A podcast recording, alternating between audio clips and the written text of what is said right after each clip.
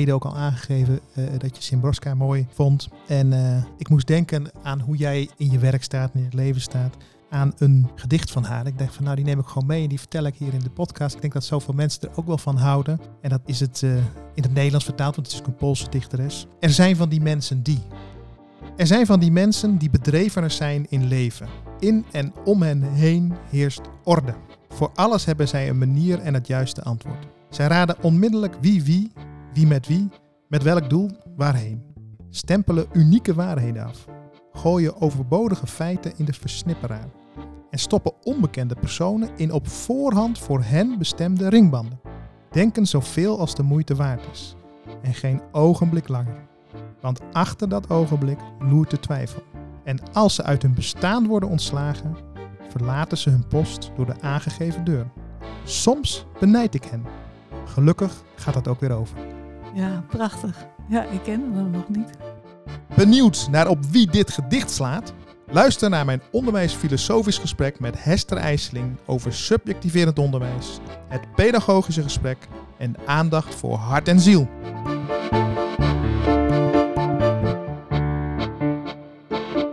Professionaliseren met hart en ziel. Hoe kom je erop, Hester? Eerlijk gezegd heb ik dat niet zelf bedacht. Waar, waar kwam het vandaan? Dat stond in de vacaturetekst van uh, Thomas More Hogeschool. Dat er werd een lector gezocht, professionaliseren met hart en ziel. En ik las die vacaturetekst en ik dacht, ze zoeken mij. Ja, ik vind het natuurlijk prachtig dat Thomas More dat al destijds deed. Want ik kwam ook op diezelfde beeldspraak, symbolische taal, van uh, onderwijs leiden met hart en ziel, waar deze podcast over gaat. We gaan het hebben over dat lectoraat. Althans, we gaan het hebben over de start, de lectorale reden, is zeg maar ons uitgangspunt. Hoe heet die reden? Bezield en bezielend onderwijs. En de ondertitel is Pedagogiek van onderbreking en verbinding. Nou, we gaan hem eerst maar eens onderbreken. Mhm. Althans, want we gaan straks daar naartoe. Maar we gaan eerst eens even hebben over van, we weten iets van je buitenkant, dat je dus nu lector bent. Maar we willen natuurlijk ook iets willen van die innerlijkheid, van jouw hart en ziel. Dus welke bron of welke bronnen hebben jou sterk beïnvloed? Ja, ik denk dat, dat, uh, dat ik dan de filosofie zou moeten noemen. Eigenlijk als dat is natuurlijk een hele grote, oneindige bron. Uh, ik ben begonnen na de middelbare school met filosofie studeren. En ben ook gepromoveerd in de filosofie. En dat, ja, dat, dat, dat, dat stroomt me in de aderen eigenlijk. Dat, dat, dat gaat nooit meer weg. Dat is altijd. En in die grote bron, wie zijn dan uiteindelijk daarboven komen borrelen? Als het een bron is, kunnen ze borrelen. Ja, het, het, grappige is, ik heb, ik heb er zes jaar over gedaan, over die studie. En ik heb eigenlijk vijf jaar lang me bezig gehouden met de antieke wijsbegeerte, dus de oude Grieken. Cornelis Verhoeven was een hele belangrijke de grote, leraar voor mij, de grote Nederlandse, Nederlandse filosoof. filosoof ja. Uh, toen heb ik zelfs nog een bijvak Grieks gedaan. Uh, uh, ik had op de middelbare school ook Grieks en Latijn gehad. Maar toch vond ik dat aan de universiteit echt veel te ingewikkeld. Ik kreeg het niet in de vingers. En toen dacht ik, ja, als je nou verder wil specialiseren, dan, dan, dan zou je dat toch wel moeten kunnen. Je kan eigenlijk niet je met klassieke filosofie bezighouden als je die niet in de oorspronkelijke taal kunt lezen en bestuderen. En toen kwam een college langs over Nietzsche en Schopenhauer. En toen dacht ik, oh, maar dit is interessant. Dat, daar ging ik echt van op het puntje van mijn stoel zitten moet zeggen dat Cornelis Verhoeven niet zo gelukkig mee was. Want die vond uh, eigenlijk niet maar een beetje een, uh, een schreeuwlelijk met al zijn uitroeptekens. Nou ja, het, is, het, zijn, natuurlijk ook, het zijn natuurlijk ook twee uitersten. Hè? Ja, Cornelis die rustig en bedachtzaam, eh, klassieke oudheid. Zeker. Ja. Ik denk dat het misschien bij mij wel wat beter past. Ik was wel meer een beetje van de rebelse soort, zeg maar. Dus er kwam ehm, Nietzsche de, met, met, zijn dynamiek, laat het zo noemen, positief. Zijn dynamische denken. Ja, en ik, ja, schitterend van stijl is dat. Hè? Dus ik, ik ben altijd wel het meest gecharmeerd van de filosofen die goed kunnen schrijven. De, de meesten kunnen dat eigenlijk helemaal niet zo goed. En wat is dat goed schrijven? Begrijpelijk schrijven? Of, of? Dat is wel het minste, maar vooral ook, ja, toch een beetje literair, retorisch, uh, mooie metaforen, vergelijkingen, mooie lopende zinnen. Mooie taal. Mooie taal. En het, ja, Nietzsche is gewoon, wat mij betreft, gewoon een hele grote stylist. Ja. En uh, ja, Verhoeven vond dan inderdaad dat hij te veel uitroeptekens gebruikte. Maar ik vond eigenlijk dat hij hem tekort deed. Doet er ook verder niet toe. Je moet ook gewoon je eigen weg uh, gaan. En je bent gepromoveerd uiteindelijk op Nietzsche. Ook op Nietzsche, ja. Ja. Ja, eh, op, eh, op de voorwoorden van Nietzsche, maar ook van Hegel en Kierkegaard. Ja, ik moest ook denken eh, bij een van die schrijvers die ook zo mooi schrijft. Met al zijn eh, alter ego's. Hè, al die boeken van, eh van Kierkegaard zijn Ja, ook prachtig om te lezen. Schitterend, ja. Ja. Schitterend. En daarmee zit je ook een beetje in de essentiële kant. Hè? Bij Nietzsche. Ja. En zeker bij eh, Kierkegaard. Nee, en de Hegel was ook eigenlijk meer een soort van eh, steen des aanstoot, zeg maar. Om Kierkegaard en Nietzsche daar tegenover te plaatsen. En, en ik ben uiteindelijk toch het meest gecharmeerd, denk ik steeds, van die... die eigenlijk met Nietzsche en ook Kierkegaard is er een soort breuk toch ontstaan.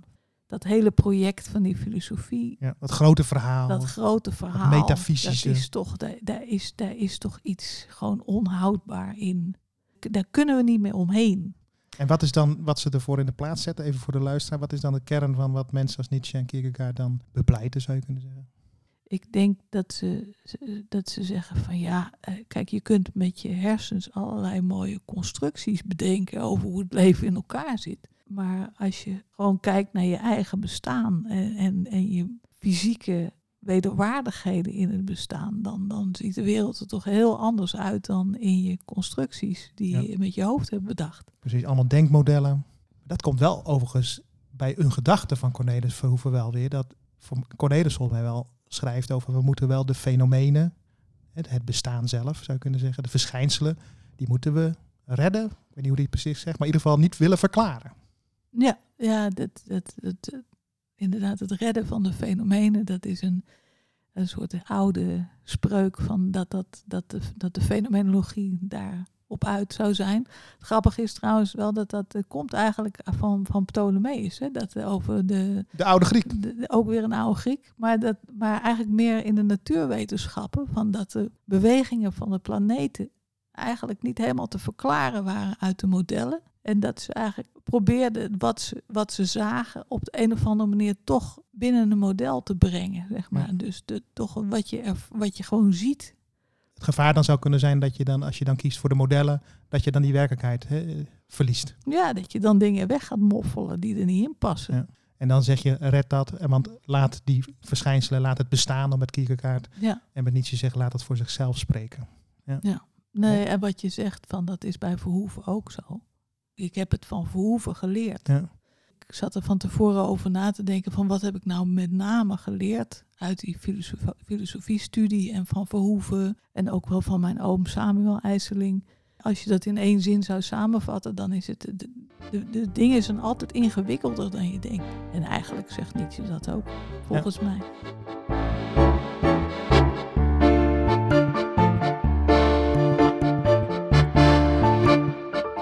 Maar dan gaan we de ingewikkelde dingen gaan we een beetje proberen te ontwikkelen, Mhm. uitwikkelen in dit eh, gesprek.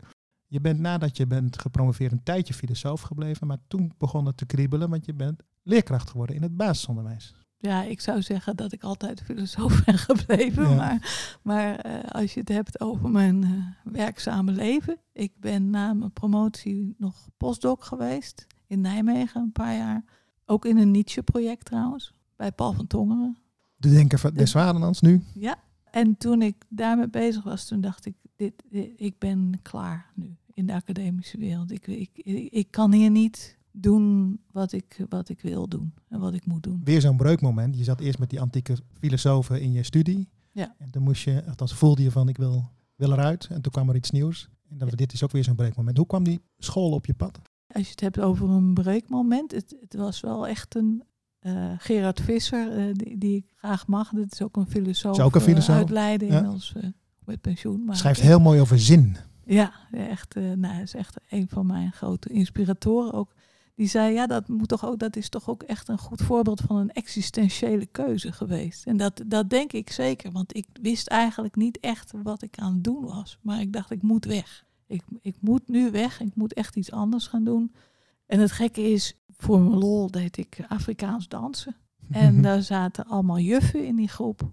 En dan zit je zo na, na de dansles zit je in het café nog na te praten. En ik zei, nou, ik wil eigenlijk mee stoppen, maar ik, ik kan niks, want ik ben een filosoof. en wat zal ik dan gaan doen?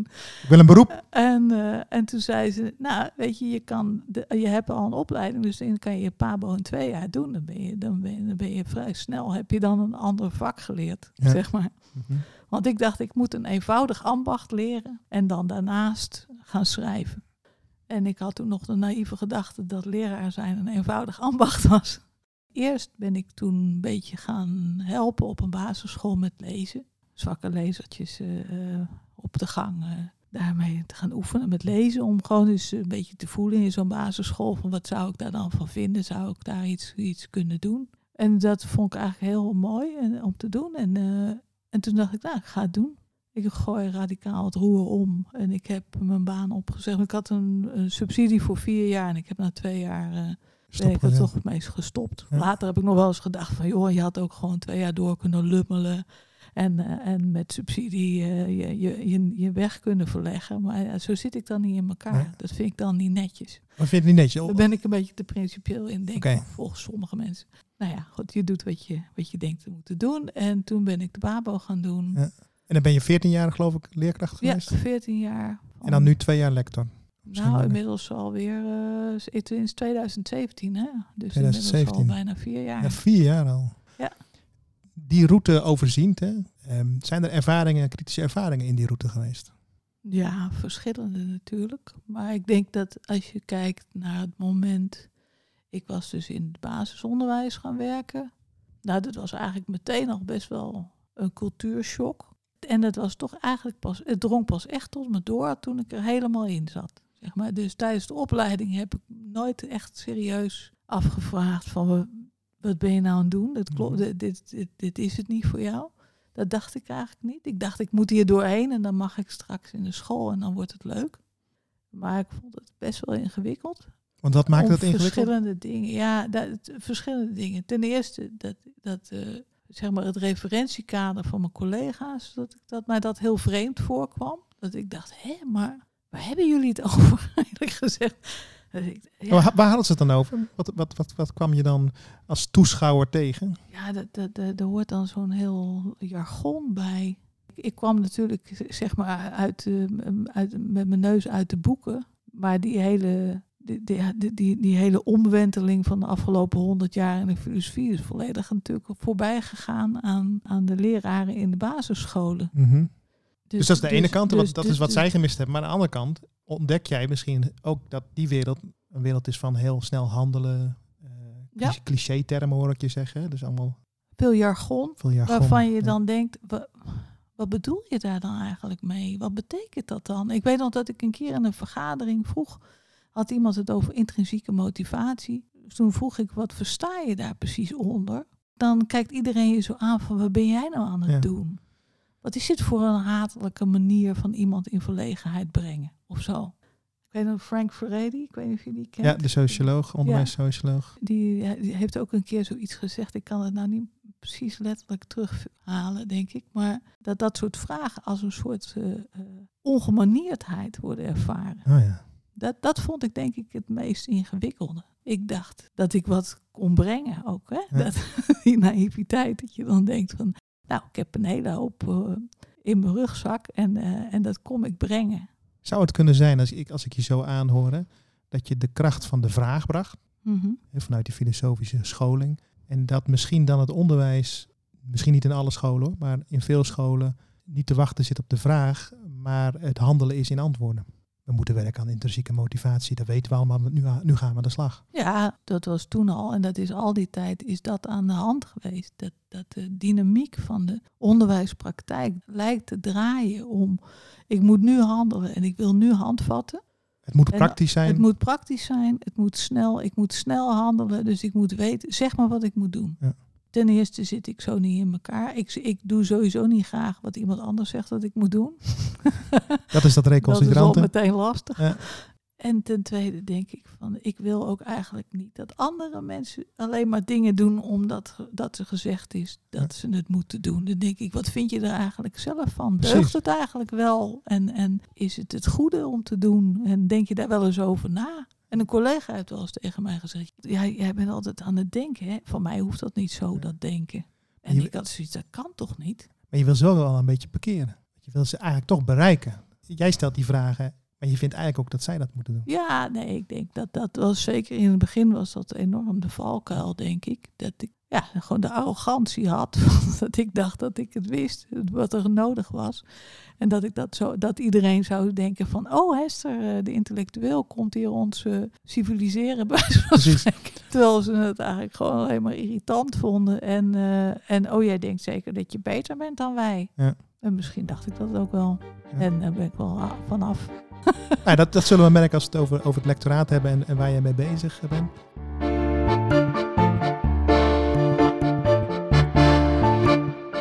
Bezield en bezielend onderwijs. Pedagogiek van onderbreking en verbinding. Jouw reden zegt, ik wil eigenlijk à la vista subjectiverend onderwijs mogelijk maken. Dat begrip, daar komen we nog wel op terug. Wat is dat precies? Subjectiverend onderwijs, persoonsvormingsgericht. Dat noem jij liever bezield en bezielend. En dan heb je een aantal begrippen nodig om te begrijpen van nou, hoe doe je dat nou? En dat begint met het openstaan voor onderbrekingen. En dat is ook die ondertitel, pedagogiek van onderbreking. En dan kom je tot verbinding. Je kunt op allerlei manieren verbinding staan, maar misschien kom je dan op een wat diepere, essentiëlere laag tot verbinding. En ik noem het woord essentieel, noem ik nu, want jij gaat ook iets doen met die begrippen hart en ziel. Je wilt eigenlijk met het lectoraat dat leerkrachten zich de ziel weer weten te herinneren. En wat die ziel dan precies is, gaan we het straks nog wel over hebben. Maar vanuit die lege plek, zeggen sommigen, de lege plek in ons binnenste, daar leggen we misschien wel op een hele diepe manier verbinding met de wereld. En beantwoorden we als deze mens de vragen en de behoeften van de wereld of de roeping. Tweede begrip, hart en ziel, is ook het begrip hart. En daar zeg je heel mooi van. Het is ook goed dat je weer leert luisteren naar je innerlijk, naar je hart, naar je gevoel en je intuïtie.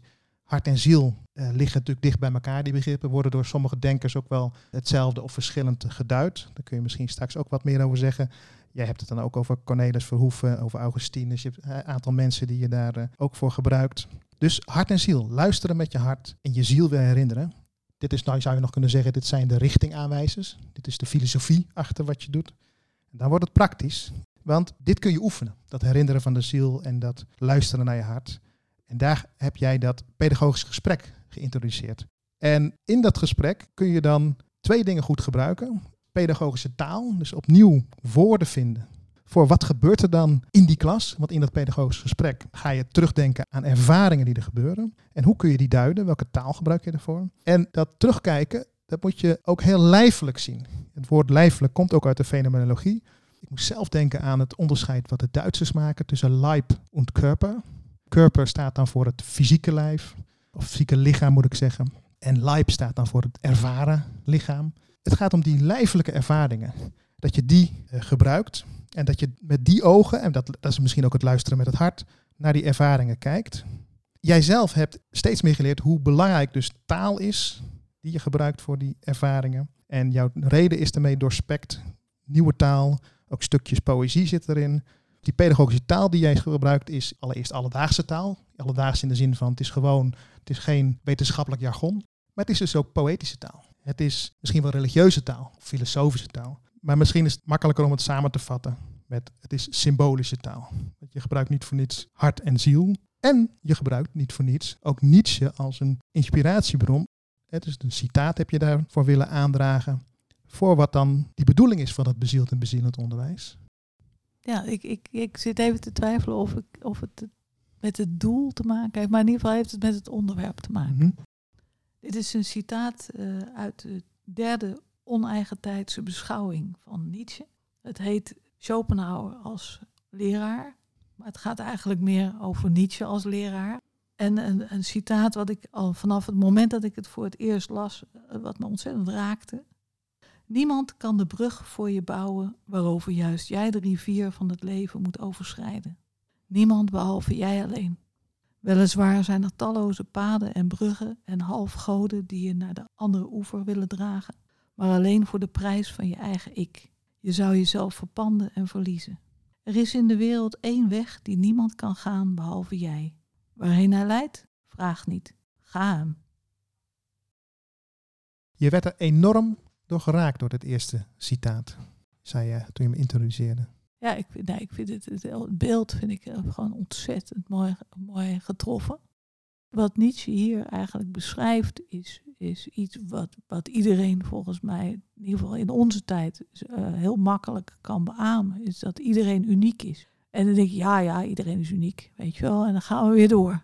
En dat lijkt eigenlijk triviaal. Hij heeft ook zo'n zo'n zin, eh, je moet worden wie je bent. Hè? Dat is ook zo'n... En, en sommige mensen die denken dan van, nou, wat is er voor platte te- tegelspreuk, Ja. bij wijze van spreken. Anderen die dwepen er weer mee. Ja, maar ook zeg maar misschien wel om de verkeerde reden, Juist, inderdaad. ja, denk ik. Terwijl dat is, dat is een, een, zin die gaat al terug tot de vijfde eeuw voor Christus. Hè. Is, het is van- Welke Griek? Ja, ik, ik, ik vind het altijd moeilijk om zijn naam uit te spreken, omdat het klinkt als Pindarots. Oh ja. Maar Pindaros is het. Pindaros. Oké. Ja, dus eh, het het is nog van voor Socrates. En wat wordt ermee bedoeld? Ja, dat is niet zo 1, 2, 3 te zeggen. Maar dat heeft iets te maken met dat citaat over die brug. Wat ik mooi vind is dat Nietzsche zoiets als dat je uniek bent, Mhm. dat hij taal vindt waardoor dat ineens enorm tot je doordringt. Wat dat eigenlijk betekent. Hij, hij, dat is dan niet in dit citaat precies, maar hij zegt eigenlijk van ja, er gaan de kosmische tijden overheen dat je er niet bent. En dan ben je er ineens. En Je merkt eigenlijk ineens dat je er bent. En dan, dan je was er al, zeg maar. Dus het eerste begin, dat heb je al gemist. Maar dan ben je er. Dan heb je er klaarblijkelijk te zijn. En dan is het eigenlijk in het licht van de eeuwigheid is het, is het maar een seconde. En dan Ja. is het alweer afgelopen. En dan gaan er weer kosmische tijden overheen tot in het oneindige dat je er weer niet bent. Als je dat echt tot je door laat dringen, dan denk ik, ik heb dus eigenlijk gewoon iets heel kostbaars hier in handen. Ja. Wat ga ik daar nou mee doen? Eh, ga, ga ik dat gewoon maar een beetje gedachteloos door mijn handen laten glippen? Of ga ik, de- ga ik echt kijken naar van oké, dit, dit is het, dit is het leven wat ik ge- gekregen heb en daar moet ik wat mee doen. Een heel krachtig beeld. Ja. Dat, dat stukje wat jij hebt gekregen, dat heeft niemand anders gekregen. Ja. Dat, dat, die, die toevallige samenkomst van, van eigenaardigheden die jij bent, dat, dat is maar één keer Ja. in die hele eeuwigheid. Eh, In die zin ben je uniek. Ja.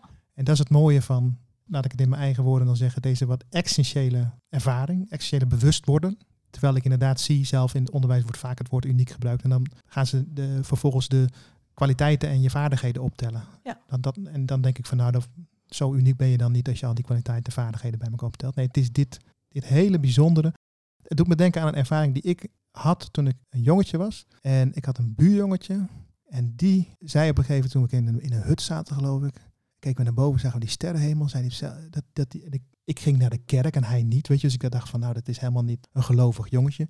En zo kun je dat hebben als kind. En hij zei in één keer zoiets filosofisch dat hij echt zei van joh, dat we bestaan. We moeten tien zijn geweest of zo. Hè? Ik zo, joh, wat, wat bedoel je? Ik zei, ja, dit is zo immens groot. En dat jij er bent, dat ik er ben, dat is volgens mij een, een geschenk van God. Dat verbaasde mij, want ik denk, je gaat helemaal niet in de kerk. Weet je, zo simpel was het eh, Mhm. vroeger. Maar dat doet me aan denken. Ja. Het besef, en da- daar heb ik ook geleerd, want dat is wat mij betreft ook wat geloof is. Ja, wat, wat, dat, is, dat doet me denken aan iets anders. En ook een heel mooi stukje van Nietzsche uit, eh, uit een andere tekst. Dat hij zegt van ergens op een planeet in een, een of andere vergeten uithoek van het heelal was er ooit een dier en die heeft het bewustzijn uitgevonden. Dat dier dacht, dat is, nou, dat is het aller, allerbelangrijkste wat er ooit bestaan heeft. En toen was het dier ook weer uitgestorven en toen was het weer, ook weer afgelopen. Ja, ik vind het een heel fascinerend beeld ook. Omdat je denkt, ja, het is eigenlijk heel raar dat er één, in dat hele heelal is er één wezen. één soort wezen. En die kan dat hele heelal denken.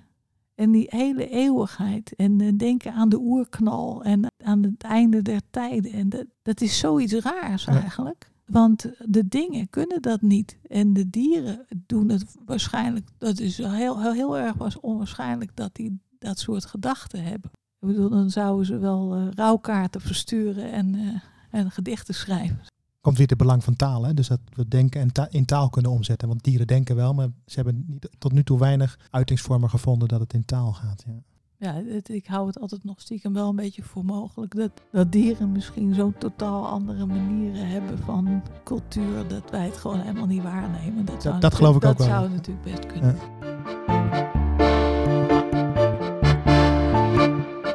voor mij zijn deze ervaringen waar we het nu over hebben, geven bij mij even het beeld van wat bedoelen we nou eigenlijk met subjectiverend onderwijs. Ja, zeker. En, en ik denk dat je daar een, een, een goed punt hebt vaak subjectiverend onderwijs vinden mensen natuurlijk vaak een raar woord. Is ook moeilijke een raar term, woord, ja. een moeilijke term en, en abstract.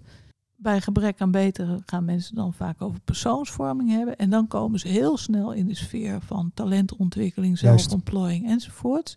Maar dat is eigenlijk allemaal een beetje in de sfeer van doelmatigheidsdenken, toch? Van oké, ik ontdek dat ik best wel een beetje piano kan spelen en dan ga ik op les en dan ga ik dat cultiveren. Ik heb een bepaalde aanleg en die ga ik cultiveren. Ja. Dat is meer persoonlijke ontwikkeling of zo. Ja. Terwijl subjectivering heeft, denk ik, meer te maken met die uniciteit, waar Nietzsche het ook over heeft. Ben je bereid om je daarvoor open te stellen? Bisa heeft het ook over, eh, eh, over de wil. Hè? De, Ja. de, de vraag van wil je persoon zijn? En ik, ik moest laatst denken, ik, ik vind vaak bereidheid een mooi woord. Maar in het Engels is dat ook willingness. Oh ja. Dus er zit ook de wil zit Ja. ook eigenlijk in. Niet zozeer van wat, wat wil ik? Ik wil dit Nee. of ik wil dat. Nee, het gaat om bereidheid om je ervoor open te stellen. Dat je dit ene leventje, dat dat uniek is en dat jij daar iets van moet maken. Ja, ik had eh, onlangs ook een gesprek eh, met Jan Bransen. Mhm. Ehm, komt ook in de podcast. En daar hadden we het heel kort ook over, inderdaad, dat het onderwijs zo weinig doet met het cultiveren van de wil. Want daar heeft het mee te maken. Inderdaad, niet de wil in de zin van behoefte. Kleine willetjes. Maar in de grotere zin, en misschien koppelend aan jouw denken, ook in je reden. De wil is ook die plek waar die ziel en dat hart een rol spelen. Dat is, dat is meer het taalveld van de, van de wil dat we hier zoeken. Ja, het is, het is wel een beetje een link woord inderdaad. Ja. Want het wil vaak heel erg naar de, de wat ze in het Duits zo mooi eigenwille, Ja. de eigenwilligheid eh, dreigt die kant op te vallen. Terwijl het gaat juist niet, het gaat eigenlijk om het tegenovergestelde van de eigenwilligheid. Ben je bereid om je ervoor open te stellen dat jij niet degene bent die bepaalt wat hier gebeurt? Zeg Ja. maar. Een mens is vooral, denk ik, een wezen dat, dat in staat is om te ontvangen. Ja. Om, om gehoor te geven, om iets te horen. Maar dat moet je wel willen. Dus ga je naar doorrennen en maar doen wat de inspectie van je vraagt, bij wijze van spreken, om maar vooral dat appel niet te horen. Of zeg je van nee, ik, ik kom dat onder ogen. Ja. Het komt op mij aan. Je geeft in, eh, in je reden daar ook al aanleiding toe dat je zegt, ja, ik zoek het ook, of ik ben het steeds meer gaan vinden in poëtische taal, maar ook in religieuze taal. En ik denk, als we dat nu toch over hebben, hoe we nu over de wil praten, daarin zie ik, ik ben eh, onder meer opgeleid als theoloog, ook wat volgens mij religies en ook het christendom bedoelen met waartoe je je moet bekeren. En bekering is niet tot een geloofsovertuiging, althans in mijn optiek, van dat moet je vinden, dat moet je weten. Maar dat is dit, dat is dat je als mens geneigd bent om die wil eigenwillig in te zetten, maar dat je misschien wel geroepen bent om je daarvan om te keren, letterlijk bekeren is omkeren, en je ontvankelijk te maken van wat het leven je geeft en wat Ja. andere mensen je geven. Ja, dat is mooi inderdaad. Dat, dat, dat, dat worden wie je bent, dat is ook van, dat, dat komt uit eh, Vrolijke Wetenschap, een Mhm. boek van Nietzsche. Eh, wordt dat onder andere door Nietzsche geschreven en dat ook op meerdere plekken. Daar begint het ook met, wat zegt je geweten? En het antwoord op de vraag is, je moet worden wie je bent. Gerard Visser weer, die, die zegt dan dat het is eigenlijk een, een oproep om tot inkeer te komen. Ja. Inderdaad, dus ook bekering. Dus eh, tot het je, jezelf ja, onder ogen te komen dat je, dat je inderdaad er maar één keer bent. Ja. Zeg maar. Nou, je zei net, althans ik zei het over jouw lezing, hè, dat we onze ziel mogen leren herinneren. Maar dit is dit ook, dat je jezelf weer leert herinneren. En dat zelf waar we het dan over hebben, is dan misschien meer die laag van wat we de ziel noemen. Dat worden wie je nou echt bent. Dat zit meer op dat zielsniveau dan op dat uiterlijk niveau. Ja, dat is ook wel een mooi bruggetje naar. Je zei van het is, ik noem dan dat subjectiverend onderwijs het bezielend onderwijs. En, of bezield en bezielend. Ik heb een beetje, zelf een beetje aarzeling bij dat begrip subjectivering. Ten eerste omdat het natuurlijk weer zo'n jargonachtig woord is. Dat Ja. ik denk, wat, waarom doe je zo moeilijk? En iedereen roept het en, en vraagt zich niet meer af, wat betekent het nou misschien? Ja, ja, in dit geval wordt het ook niet echt heel erg opgepikt volgens mij door de praktijk als een lekker woord. Dat, dat is dan misschien gelukkig nog maar. Maar eh, ik moet wel zeggen, Simon Verwer die legde het laatst heel mooi uit in een, in een podcast van eh, eh, René Knijper. Ja. Learn heet die, die Ja, podcast. het is interessant ook hoor, zeker voor leraren om het eens goed te luisteren. Ja, Het is gericht op leraren. Ja, En Simon Verwer die zei van ja, die legde heel goed dat woord subjectivering uit. In dat woord subject daar zit aan de ene kant dat je onderworpen bent aan de wereld en aan de anderen. Ja. Je bent, ja, dus dat is het ene. En aan de andere kant zit er ook in uh, mensen zijn geen object. Ze zijn echt iets anders. Dus Neem je eigen subject op. Neem jezelf op. Ja. Dus ook wat ik net zei, van wij zijn wel het enige soort wezens die inderdaad de eeuwigheid kunnen denken en de oneindigheid kunnen denken. Dat maakt wel dat wij geen objecten zijn. Uh, dus in die zin is er natuurlijk best wel wat te zeggen voor dat begrip subjectivering. Milieu die dat ook zegt, volgens mij heb jij hem ook in de voetnoot staan. Je moet helemaal jezelf worden, zonder dat je jezelf in het centrum stelt. Ja. Is ook weer een mooie uh, gedachte van religie een van de nou, definities niet, maar een van de toelichtingen van wat religie is, is dat je je ego decentraliseert. Nou, misschien is dit wel een mooi moment om dat tweede stukje van Nietzsche te Het tweede citaat. Want je had het over de ziel. En ergens verderop in diezelfde derde oneigentijdse beschouwing van Nietzsche, dan heeft hij het over van hoe doe je dat nou eigenlijk? Hoe moet je dan uitvinden wie je dan bent? Moet je dan naar binnen kijken? Uh, ja en nee eigenlijk. Want nou, hij schrijft het volgende. Laat de jonge ziel op zijn leven terugblikken en de vraag stellen: wat heb je tot dusver waarlijk lief gehad? Wat heeft je ziel aangetrokken? Wat heeft haar beheerst en tegelijk gelukkig gemaakt? Zet deze dingen op een rij en misschien leveren zij door hun aard en hun volgorde een wet op, de fundamentele wet van je eigenlijke zelf. Wat ik er mooi aan vind is dat dat je eigenlijke zelf, zeg maar, dat is niet iets wat, wat, wat zomaar van binnen bij jou te vinden is. wat al klaar ligt. Uh, dat wat klaar ligt.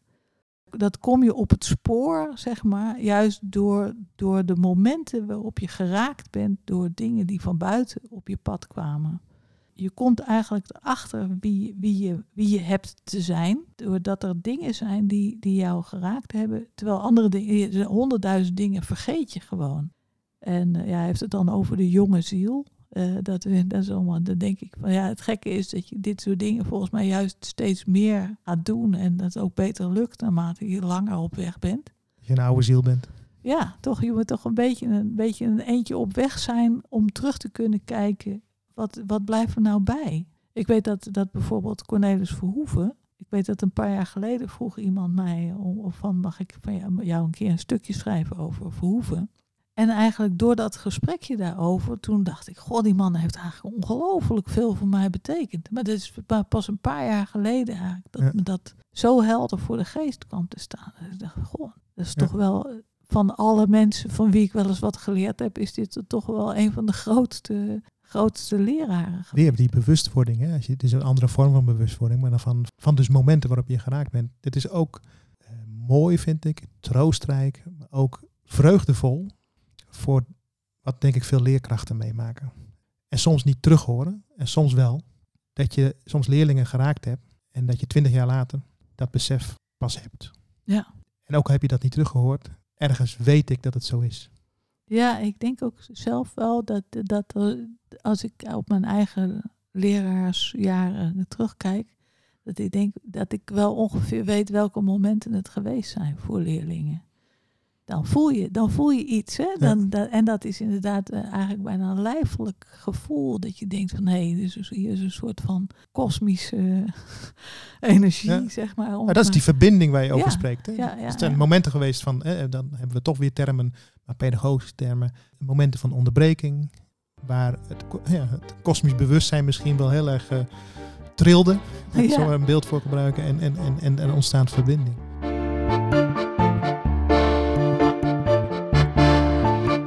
Ik denk dat we nu een heel mooi beeld hebben wat jij en wat wij verstaan onder het belang van bezield en bezielend onderwijs. En dat uniciteit en persoonsvorming en hoe je, wil het, hoe je het wil noemen. En dat het te maken heeft met met, met name die ziel. Laat ik het hart even liggen. Zouden we een andere podcast mee kunnen vullen wat de, de mhm. rol van het hart en intuïtie is.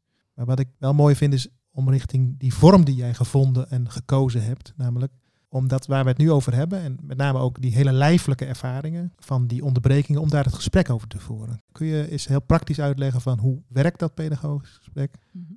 Eigenlijk gewoon vragen van, nou, kan je eens iets vertellen wat je meemaakt in de klas? Iets, iets wat je van de afgelopen tijd hebt meegemaakt, iets wat je geraakt heeft. Ja. Dat is aan de ene kant natuurlijk een heel een beetje, een beetje onduidelijk begrip. Onduidelijk woord. Van wat bedoel je daar dan precies mee? Wat is dat dan precies? Dat kun je niet echt definiëren. En tegelijkertijd herkent iedereen wat je daarmee bedoelt.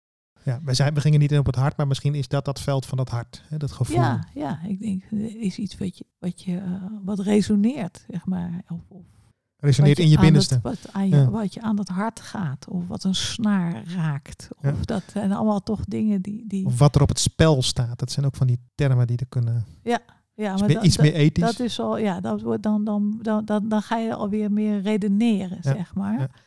Terwijl ik, voor mij staat het hart eigenlijk voor. Uh, kijk, je kunt, je kunt heel met je hoofd kun je vertellen wat er is gebeurd. Mm -hmm. Dus als, als, als ik naar een situatie vraag, dan beginnen mensen meestal met, met, met het hoofd te vertellen ja. van nou, ik was bezig met die en die les. En uh, ik heb een kind in de klas en die heeft dat. En die dus dan komen er allerlei data over dat kind, bijvoorbeeld. Ja. Uh, dus dat is allemaal het hoofd. Ja, is ook allemaal aangeleerd en, natuurlijk, hè? reflectie. Ja, ja natuurlijk. En, dat, en, en leraren hebben ook zelfs wel een beetje het gevoel dat dat de professionele manier is van over je werk praten. Dus al die gevoelsmatige dingen, dat, uh, doe je maar dat, thuis. dat doe je maar thuis uh, bij, bij je echtgenoot uh, aan, de, aan de eettafel of zo. Terwijl ik dat denk van nee, maar dat, dat is juist een heel belangrijk stuk. Dus ik vraag wat, wat is er gebeurd en dan ga ik inderdaad heel precies vragen van waar was het precies? Ja. Uh, hoe ziet het lokaal eruit? Hoe is het lokaal ingericht? Uh, zitten ze in, in, in busopstelling of in groepjes? Uh, waar was jij op dat moment? wat zei je? Weet je nog wat je precies zei? Want wat ik eigenlijk belangrijk vind is... Wat je vaak merkt is dat als je daar leraren naar vraagt... dan komen ze op een gegeven moment op een soort grens van... ja, dat, dat weet ik niet precies, dat doe ik op mijn gevoel, Ja. intuïtief. En dan stokt het gesprek eigenlijk. En wat ik met dat pedagogisch gesprek probeer te doen, is dan juist daar op die grens toch nog iets verder te komen met dingen onder woorden brengen. Ja.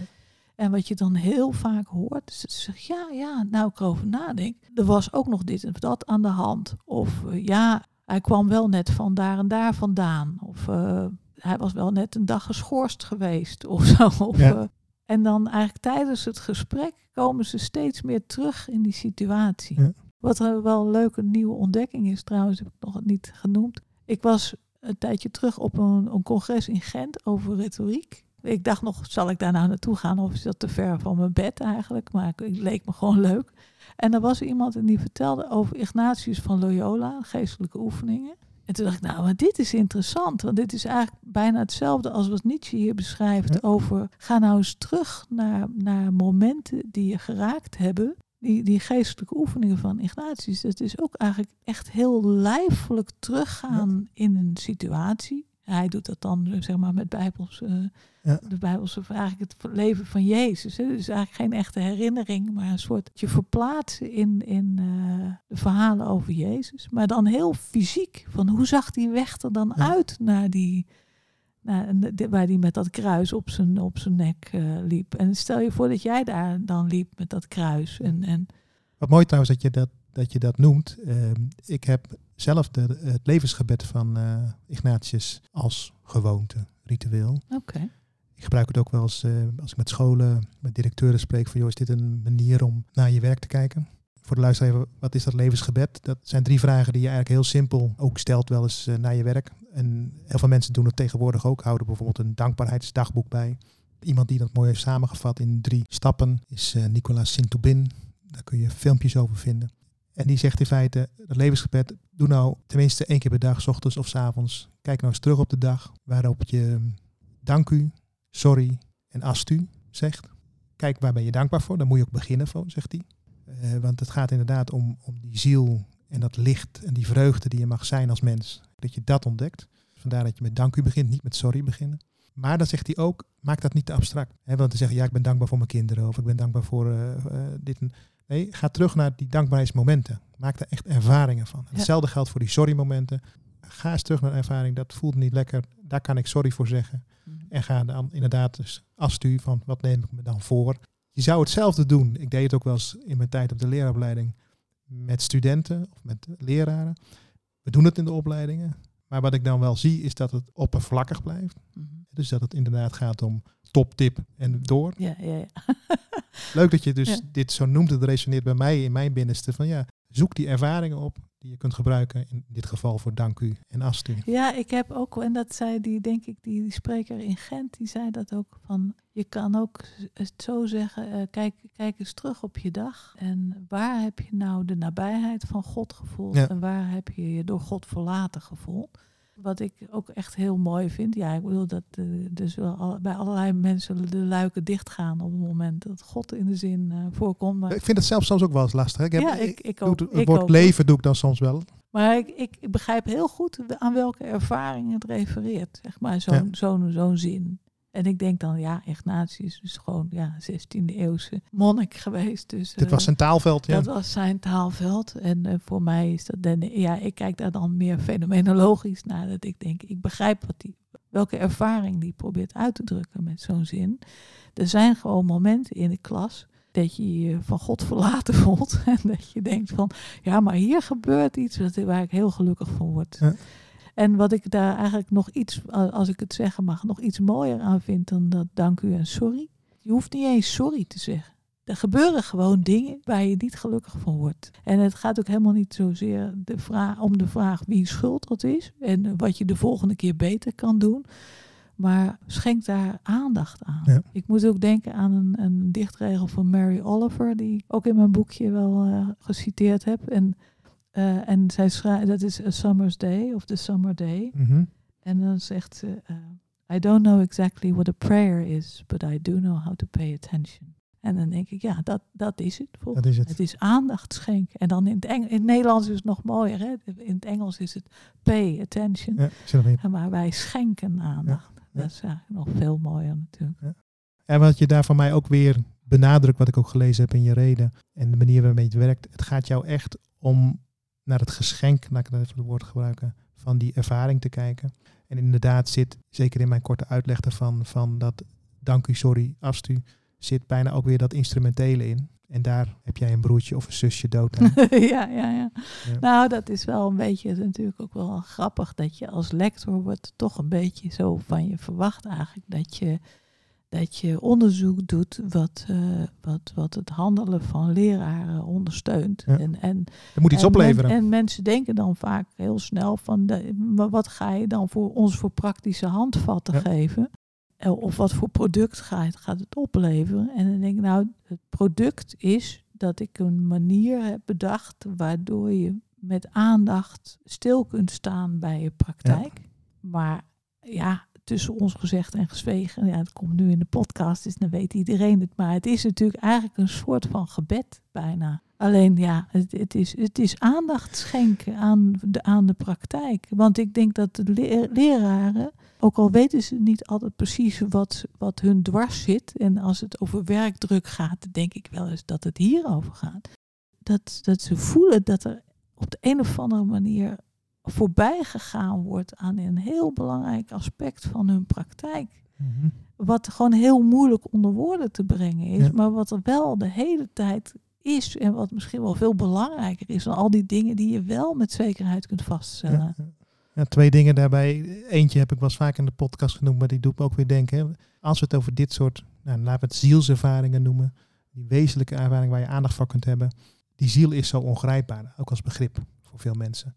Behalve als je erop getrapt wordt. Dan Ja, weet je precies. waar die zit. Dus dat is één die ik heb. Tweede moet ik denken, jij noemt hem bijvoorbeeld ook in een voetnoot, is Erik Borgman. Ja. Zijn denken over onderwijs. eh, waarin die eh, het katholieke woord misschien, of het eh, religieuze woord, kloosterwoord, contemplatie in feite gebruikt. En hij, bedoelt het, hij bedoelt het niet zo religieus, maar misschien bedoelt hij het inderdaad in die, in die trant wat jij nu zegt. Hij heeft in zijn onderwijsvisie heel centraal staan dat de toekomst op ons afkomt. Hè, die ontvang je. En om daar oog voor te hebben, spreekt hij van contemplatie. Maar dat is in feite wat jij nu zegt. Aandacht hebben voor wat zich daar, Ja. hè, wat Ambista noemt, onder andere wat er kan verschijnen in die ervaring. Waar, waar ik een beetje bij aarzel soms bij contemplatie, maar dat is misschien een, een, een associatie die, ik, die je ook los kan laten. Maar ik, ik associeer het een beetje met, met, met een zuiver geestelijke Ja. oefening. Ja. Zeg maar. En Het, het grappige vind ik bij de geestelijke oefeningen van Ignatius, is dat hij noemt ze weliswaar geestelijke oefeningen, maar de, de lichamelijkheid Ze zijn hartstikke een heel lijfelijk, in. ja. Heel, eh, ja, het is echt fascinerend om te zien hoe bewust hij zich is van dat, dat, dat, dat, een soort lijf iets, dat, dat je pas echt in contact komt met de ervaring op het moment dat je de, de lijfelijke ervaring of de, de belich, belichaamde Ja, ervaring ja. daarbij betrekt. Over Erik Borgman, wat Mhm. ik, wat ik mooi vind van eh, alle dingen nieuw, Mhm. eh, wat, wat hij daarin schrijft, is dat, dat theologie probeert eigenlijk steeds in beweging te brengen wat vastloopt. En dan denk ik, ja, dat, de, ik weet niet, ik, geloof- ik, ik zou niet willen pretenderen dat ik een theoloog ben, want dat heb ik, daar heb ik niet voor doorgeleerd. Maar dan denk ik, ja, dat is wel precies wat ik ook de hele tijd probeer te doen. Mijn programma is de hele tijd dat denken weer in beweging brengen. Ja. Dus op het moment dat we het hebben over intrinsieke motivatie of eh, Hoe we ook maar eh, kijken naar ons eigen onderwijs, subjectivering, Dan denk ik, ja oké, maar, maar dat, dat zijn gestolde begrippen en die, eh, daar gaan we dan mee goochelen. En dan denken we helemaal niet meer na Ja. over wat we eigenlijk aan het doen zijn. En dat moet steeds weer in leven, dat moet leven ingeblazen.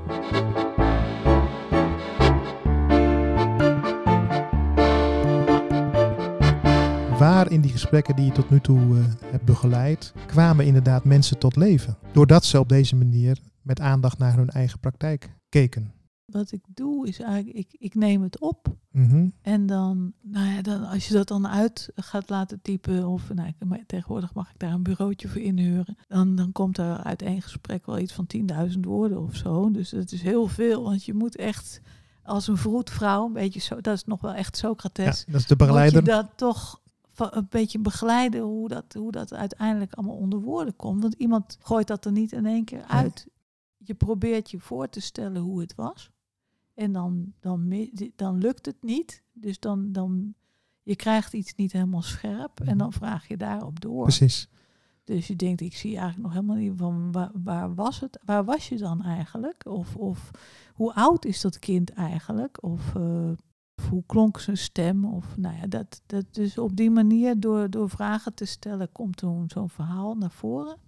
Dan, dus dan, ik laat het uittypen, dan bewerk ik zo'n zo'n transcriptie tot een, tot een casus. En dat, dan blijft er iets van duizend woorden over. Dat is Mhm. echt wel het minimum. Krijg het, niet, het is echt moeilijk om nog het leven erin te houden als je het nog korter maakt. En dan leg ik dat voor aan degene met wie ik gesproken heb. En dat ontroert mensen vaak heel erg. Van dat, dat ze dan zo denken van, goh, ik had geen idee dat er zoveel in zat in één zo'n moment. En dit is maar één moment van de duizend dingen die ik meemaak. En dat iemand daar gewoon met zoveel aandacht en zorgvuldigheid naar gekeken heeft, dat, dat, dat doet volgens mij iets met mensen. Leraren hebben het altijd over, ik wil dat kinderen zich gehoord en gezien voelen. Maar dat wil iedereen. Ja. Dat willen leraren ook. En dat voelen ze niet altijd Nee. als er een of andere beleidsmaatregel over ze wordt uitgerold. Zeg maar. Of als ze continu maar aanstaan in, in plaats van even, ja, toch even dat woord contemplatie, tijd nemen om aandachtig te kijken, Ja. te contempleren. Niet, niet hoogdravend, maar Bezinning vind ik Bezinning. zelf een mooi Oh woord. ja. Ja. te bezinnen. Ja. Mooi, eventjes heel praktisch. Mhm. Is dat een één op één gesprek of is dat een groepsgesprek? Ik doe het eigenlijk bijna altijd in groepen, omdat ik eh, het mooi vind. Dan haal je zo'n casus of zo'n verhaal boven. Iedereen die daar is, die probeert daar zo goed mogelijk naar te luisteren. En ook vragen te stellen van als ze denken, ik zie het nog niet helemaal voor me. Dus je vraagt eigenlijk met elkaar door totdat iedereen zich in die situatie kan verplaatsen. Ja. Dus niet in de persoon, maar in de situatie. En dan maken we een zin. Dus dan zeggen we op het moment dat dat meisje mij een knuffel gaf en zei: Ik wil niet dat de scholen weer dichtgaan. Toen dacht ik, toen voelde ik, toen wilde ik. Dat eerste stukje van die zin, dat schrijven we allemaal dan op. En dan gaan we allemaal vanuit ons eigen ik kijken. Van drie wat, punten Wat zou ik dan Ja. denken en voelen en willen? En wat maakt eigenlijk dat ik dat dan denk en voel en wil? En dan kom je een beetje op het spoor bij van wat er op het spel staat, zoals jij net ook zei. Ja.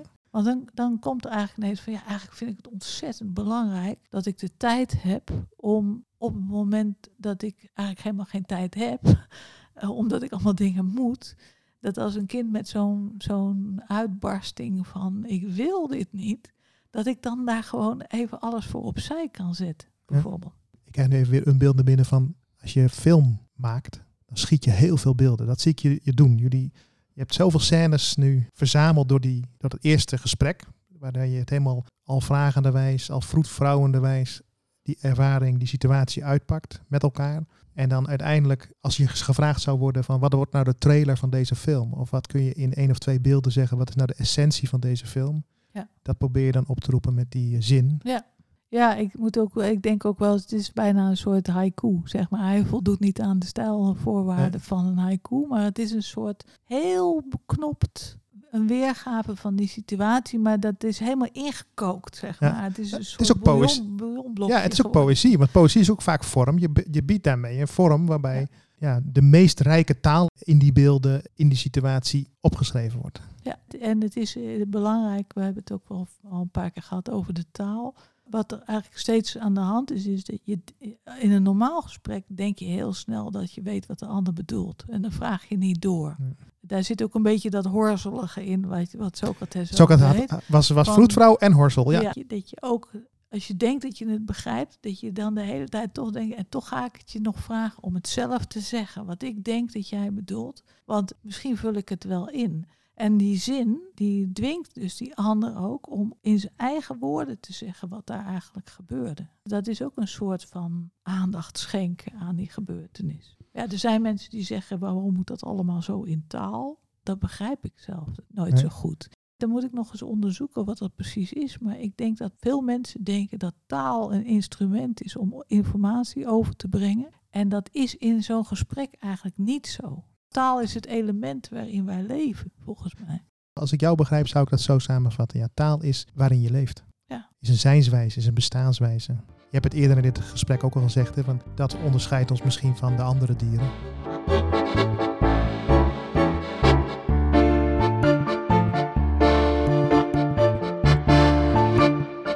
Ik eindig altijd met drie uitsmijters, drie tips. Welke wegen wijs je?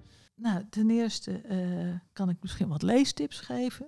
Als je wat meer zicht wil krijgen op van, over wat voor momenten heb je het nou precies, als je het hebt over momenten die je raken. Eh, een heel mooi boek eh, van Max van Manen, Weten wat te doen wanneer je niet weet wat te doen. Daarin wordt heel helder beschreven eigenlijk wat, wat pedagogische momenten dan zijn, wat die zouden kunnen betekenen. Max van Manen is een van oorsprong Nederlandse pedagoog die naar Canada is vertrokken. En het is eigenlijk een fenomenoloog. Ja.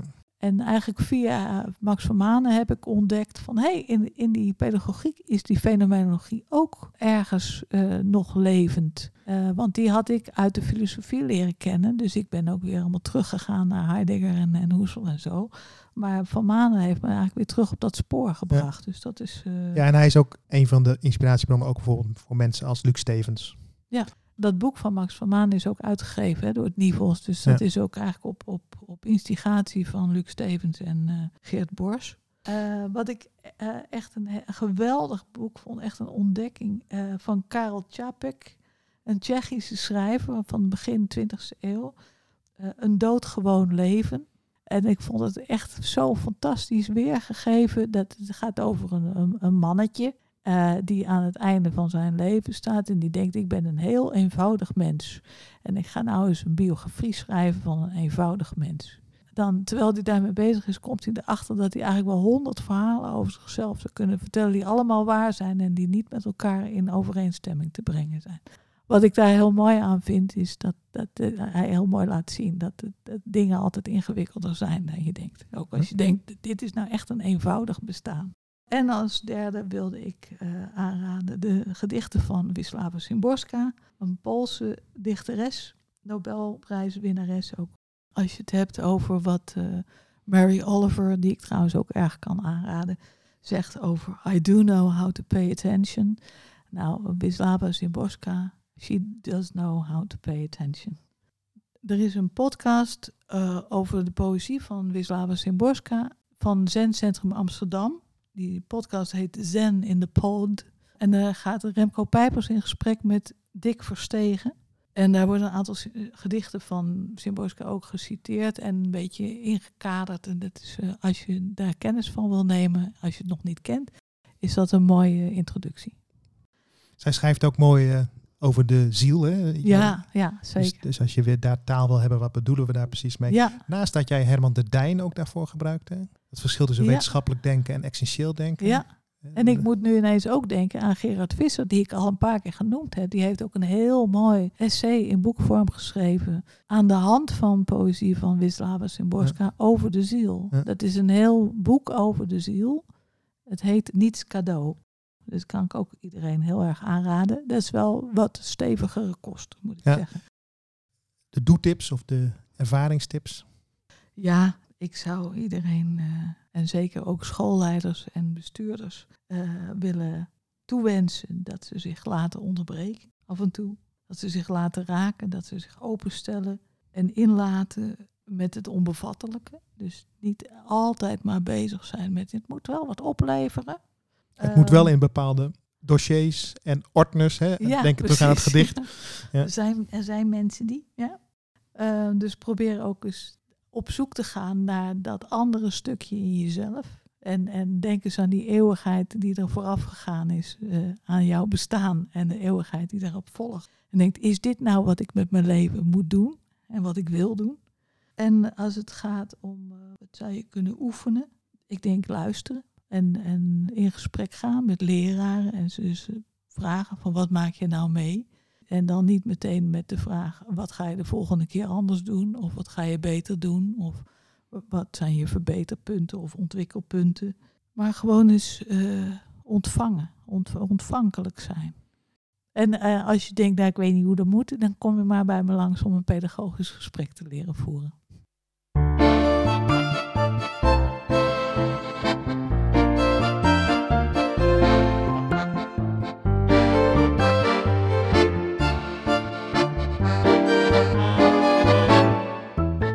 Was Onderwijsleider met Hart en Ziel met Hester IJsseling van het lectoraat Professionaliseren met Hart en Ziel.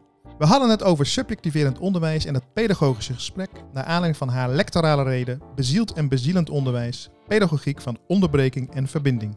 In het eerste deel gaven we aan de hand van twee Nietzsche-citaten taal aan subjectiverend onderwijs. Dat heeft te maken met wat Nietzsche bedoelt met dat iedereen uniek is en dat je moet worden wie je bent. Maar dit is geen cliché. Nietzsche doelt hier op jouw bewustzijn van je kosmisch oneindige uniciteit. Zoals het overview-effect bij astronauten die de aarde vanuit de ruimte zien. Daarna spraken we over het pedagogische gesprek, een vorm die Hester heeft ontwikkeld in haar lectoraat. Hierin begeleidt Hester leerkrachten, net als de filosoof Socrates, als een vroedvrouw en een horsel bij het haast lijfelijk aandacht schenken aan momenten in de klas die je raken. De opbrengst is een uniek verhaal in duizend woorden dat mensen vaak zeer diep ontroert. Hester zelf houdt van filosofie, pedagogische momenten, mooie taal en de poëzie van Wisława Szymborska. Hester grosseert ook in mooie uitspraken, zoals deze van Mary Oliver. I don't know how to pray, but I do know how to pay attention. Haar tips wijzen op al deze liefdes. Deze podcast is mede mogelijk gemaakt door ATTC, schoolleidersopleiding in Hilversum voor leraren en beginnende leidinggevenden in PO en VO. Mijn naam is Taco Visser en mijn motto is lesgeven en leiding geven met liefde.